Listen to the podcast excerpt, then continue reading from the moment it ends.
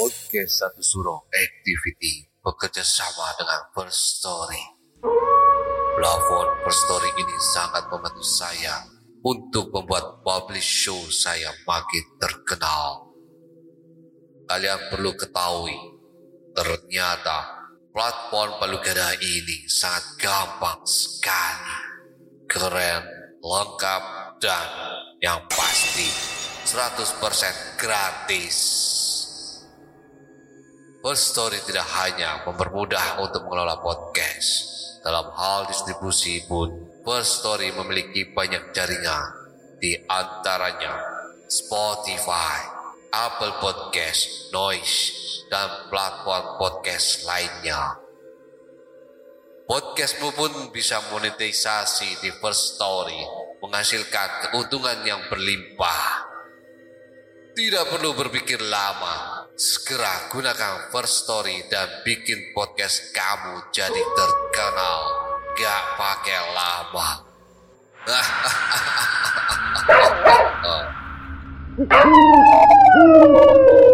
Sugeng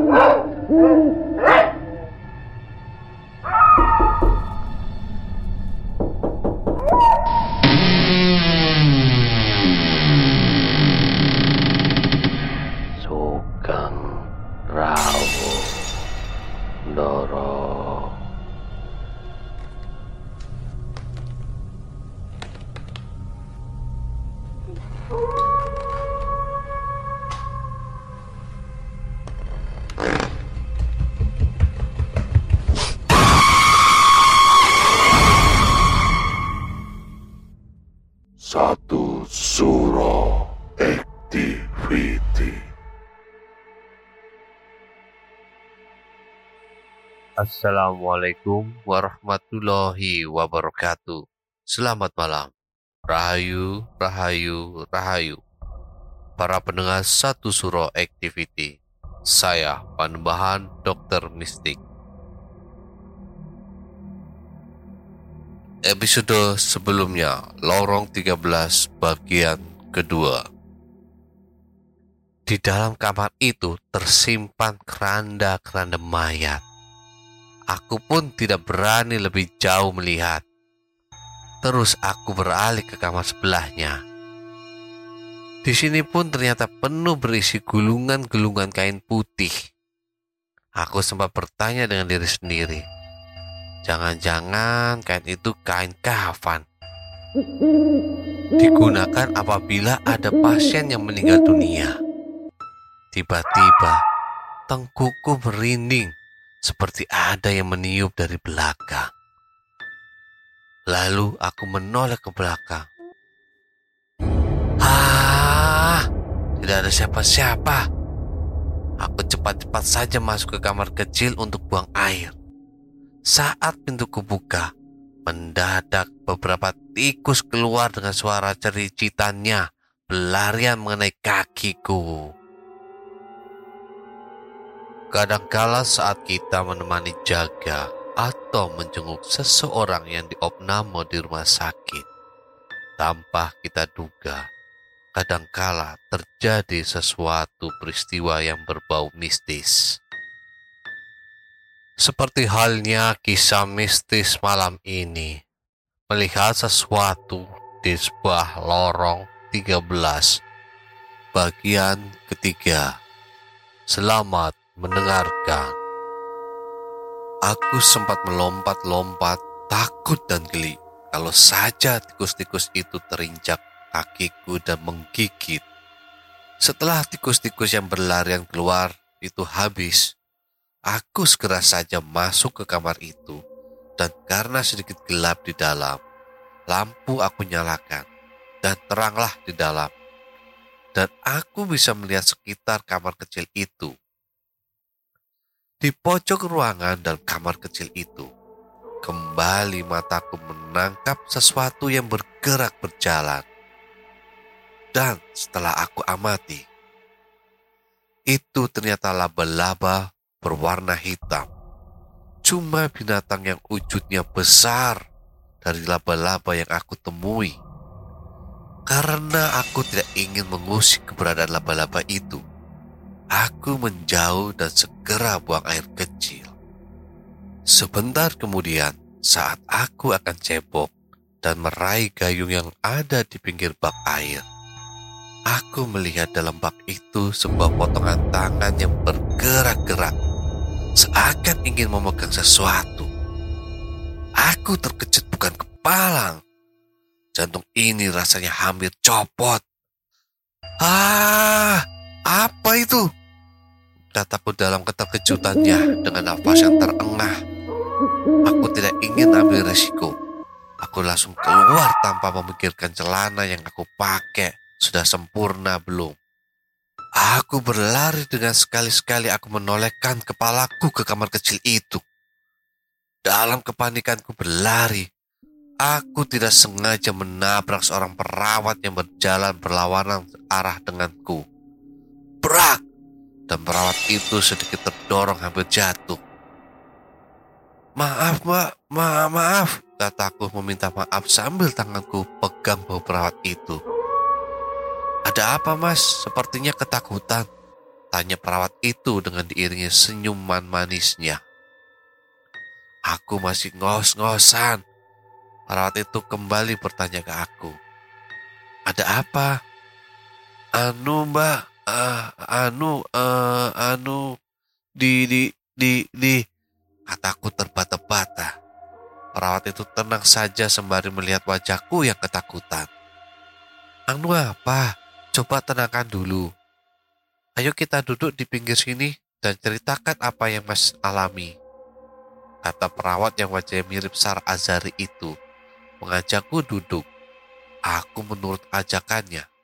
Setelah tenang aku bercerita. Oh, itu. Itu sih sudah biasa mas, ujar perawat itu. Jadi, jadi penampakan potong tangan seperti itu sudah biasa. Kata Andre sedikit terkejut. Bayangan potongan tangan yang mengambang di bak air dengan pelumuran darah masih melekat di benak Andre, sehingga badannya sedikit merinding. Iya mas, penasaran kan? Tanya perawat itu dengan tenangnya. Betul, betul saya penasaran mbak. Kalau mas penasaran dan agak tidak penasaran, bagaimana nanti sore selepas maghrib main-main ke ruang kerja saya. Nanti saya ceritakan semuanya, tawar perawat itu. Boleh, boleh, baik nanti sore saya main. Tapi eh, di mana tempatnya? Tidak jauh kok dari kamar jenazah, pasnya ujung lorong 13 ini. Setelah memberi petunjuk tempatnya kerja, perawat itu pamit dengan alasan meneruskan pekerjaannya dan mereka berpisah. Di kamar opnamenya, Bu Nuri sedang berberes segala sesuatunya. Karena besok pagi, Bu Nuri sudah boleh pulang. Setelah masuk ke kamar opname Bu Nuri, Andre toleh ke kanan, toleh ke kiri. Andre merasa ada ganjilan. Ruangan yang tadi saat Andre tinggalkan berantakan, kini menjadi rapi dan bersih. Yang anehnya lagi, baju-baju Andre dan Bu Nuri sudah tertata di dalam koper dan keranjang kain. Tante, terima kasih ya sudah beresin baju-baju Andre. Andre jadi merasa tidak enak nih, kata Andre. Bu Nuri menoleh ke belakang di mana Andre berdiri. Maksud kamu apa? Tante tidak tahu, ujar Bu Nuri sambil melipat baju-bajunya. Ini baju Andre sudah tertata rapi dalam koper. Tante kan yang memasukkan ke dalam koper. Bu Nuri mengenyitkan keningnya, heran. Tante tidak merapikan baju-baju kamu. Bukan kamu sendiri yang merapikan bajumu. Enggak, Tante. Loh, terus siapa? Ya mana Andre tahu. Aneh. Dan juga ruangan kok jadi rapi begini. Udahlah, mungkin petugas rumah sakit kali, kata Andre menghibur. Mudah-mudahan aja. Sesuai janjinya, Andre selepas maghrib menuju tempat kerja perawat yang ditemuinya dan sesuai petunjuknya pula. Andre melangkahkan kakinya berjalan ke ujung lorong 13. Hari semakin merambat malam dan cuaca semakin gelap. Dalam melangkah itu, Andre sempat berpikiran jalan ke tempat kerjanya, tetapi mengapa lampu penerangannya redup begini? Sedang yang lain penerangannya terang-terang. Andre terus melangkah dan cuaca semakin gelap. Suara serangga malam sudah mulai terdengar. Bahkan lambat-lambat telinga Andre mendengar suara lolongan anjing. Andre toleh kanan, kiri, sepi. Sepi begini, apa aku salah jalan ya? Tanyaku dalam batin. Di saat itu pula tiba-tiba pundaku ada yang. Aku sempat kaget dan melompat. Astagfirullah. Kagetku sambil kutolehkan kepalaku ke belakang. Ternyata perawat yang ketemui siang itu. Aku tidak mendengar langkah kakinya. Tahu-tahu sudah berada di belakangku. Kenapa kaget? Tanya perawat itu singkat. Aku masih diam. Hanya mataku yang bergerak turun naik memperhatikan perawat yang ada di depanku. Kamu? Kamu manusia kan? Tanyaku ragu. Kembali lolongan anjing kedengar sayup-sayup dengan lolongannya menyayat. Mas, emang saya seperti hantu? Kata perawat itu sembari senyum, cuma senyumannya seperti dipaksa. Eh, nggak juga, cuma aneh aja. Tidak terdengar langkah kakinya. Tahu-tahu sudah berada di belakangku. Mas takut sama hantu? Baik, agar Mas tidak takut, yuk kita masuk ke ruang tempatku kerja. Di sana banyak orang. Ajak perawat itu. Aku menurut saja sambil telingaku menangkap bunyi tokek. Perawat itu berjalan mendahuluiku, sedang aku di belakangnya. Penasaran aku amati jalan kakinya. Ternyata biasa seperti manusia. Aku lega, berarti dia bukan hantu. Sesampai dekat ruang kerja perawat itu, bau wangi menyeruak dalam hidungku. Hah? Bau apaan? Tanyaku dalam hati. Tubuhku mendadak merinding. Perawat itu kemudian membuka pintu. Sebelum melangkah masuk, Andre tengok ke belakang dulu.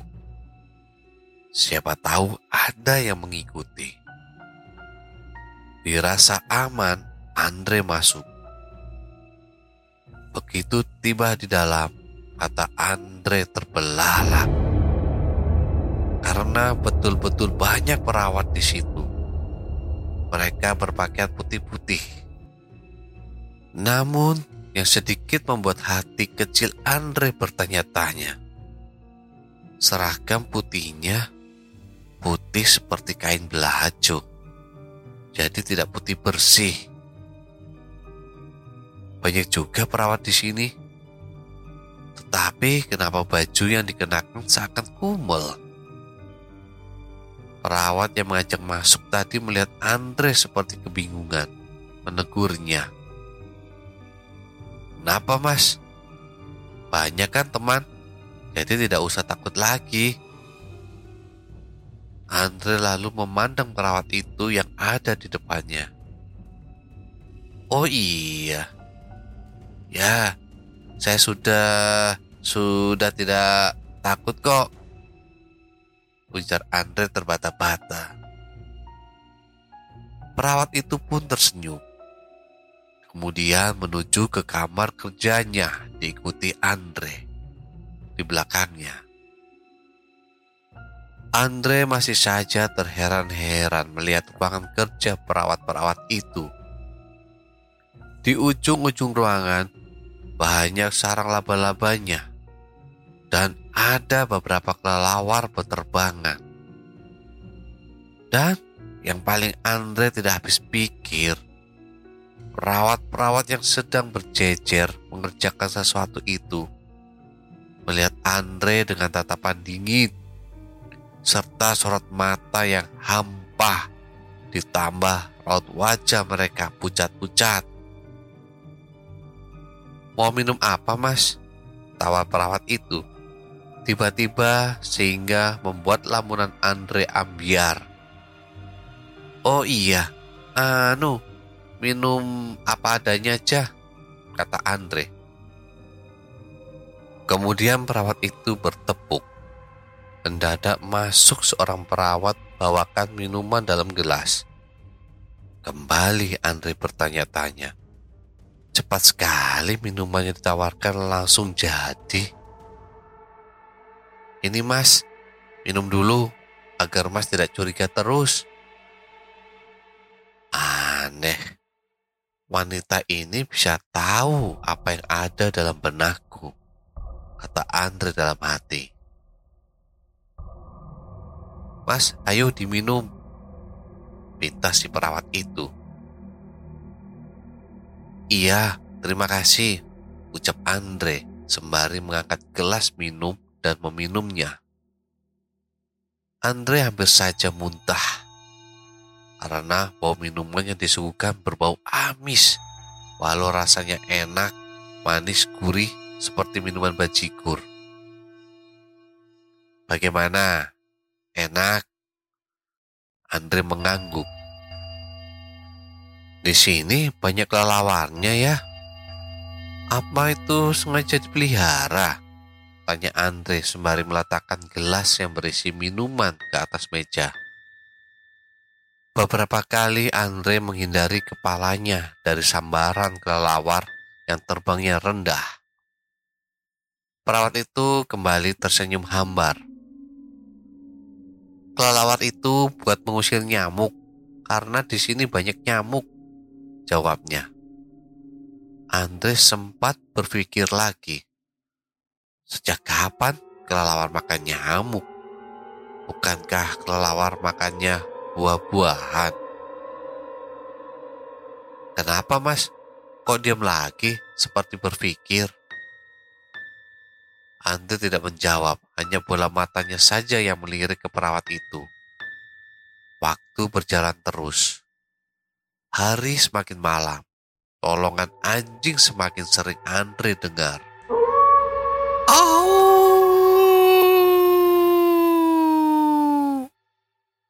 Dengan suara lolongan yang panjang. Sedang di dalam ruang kerja si wanita perawat itu, bunyi tokek saling bersautan. Suasana semakin mencekam.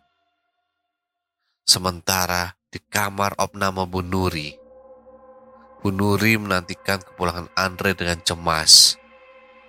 Ke mana ya si Andre? Masa pergi dari maghrib tadi hingga hampir tengah malam belum kembali. Kata Bu Nuri dengan bolak-balik jalan di dalam kamar. Karena takut terjadi apa-apa dengan keponakannya itu, Bu Nuri pergi ke pos jaga. Ia ingin menanyakan keberadaan Andre di pos jaga. Malam itu ada empat petugas. Dua sedang istirahat, dua berjaga. Bu Nuri mendekat Selamat malam pak, sapa Bu Nuri ramah. Selamat malam juga Bu. Ada apa malam-malam begini belum tidur? Ujar petugas jaga. Iya pak, um, saya mau tanya keberadaan keponakan saya. Ada apa dengan keponakan ibu? Tanya petugas setelah mempersilahkan Ibu Nuri masuk. Keponakan saya itu pergi dari maghrib sampai tengah malam begini belum kembali jelas Bu Nuri dengan cemas. Memang perginya ke mana? Pamitnya tadi mau bertemu salah satu perawat. Perawat? Ibu tahu siapa nama perawat itu? Saya tidak tahu pak. Cuma kata keponakan saya, ruang kerjanya di ujung lorong 13. ujung lorong 13, tugas itu tersentak. Itulah tadi kisah lorong 13 bagian ketiga. Nantikan kisah selanjutnya di satu suro activity.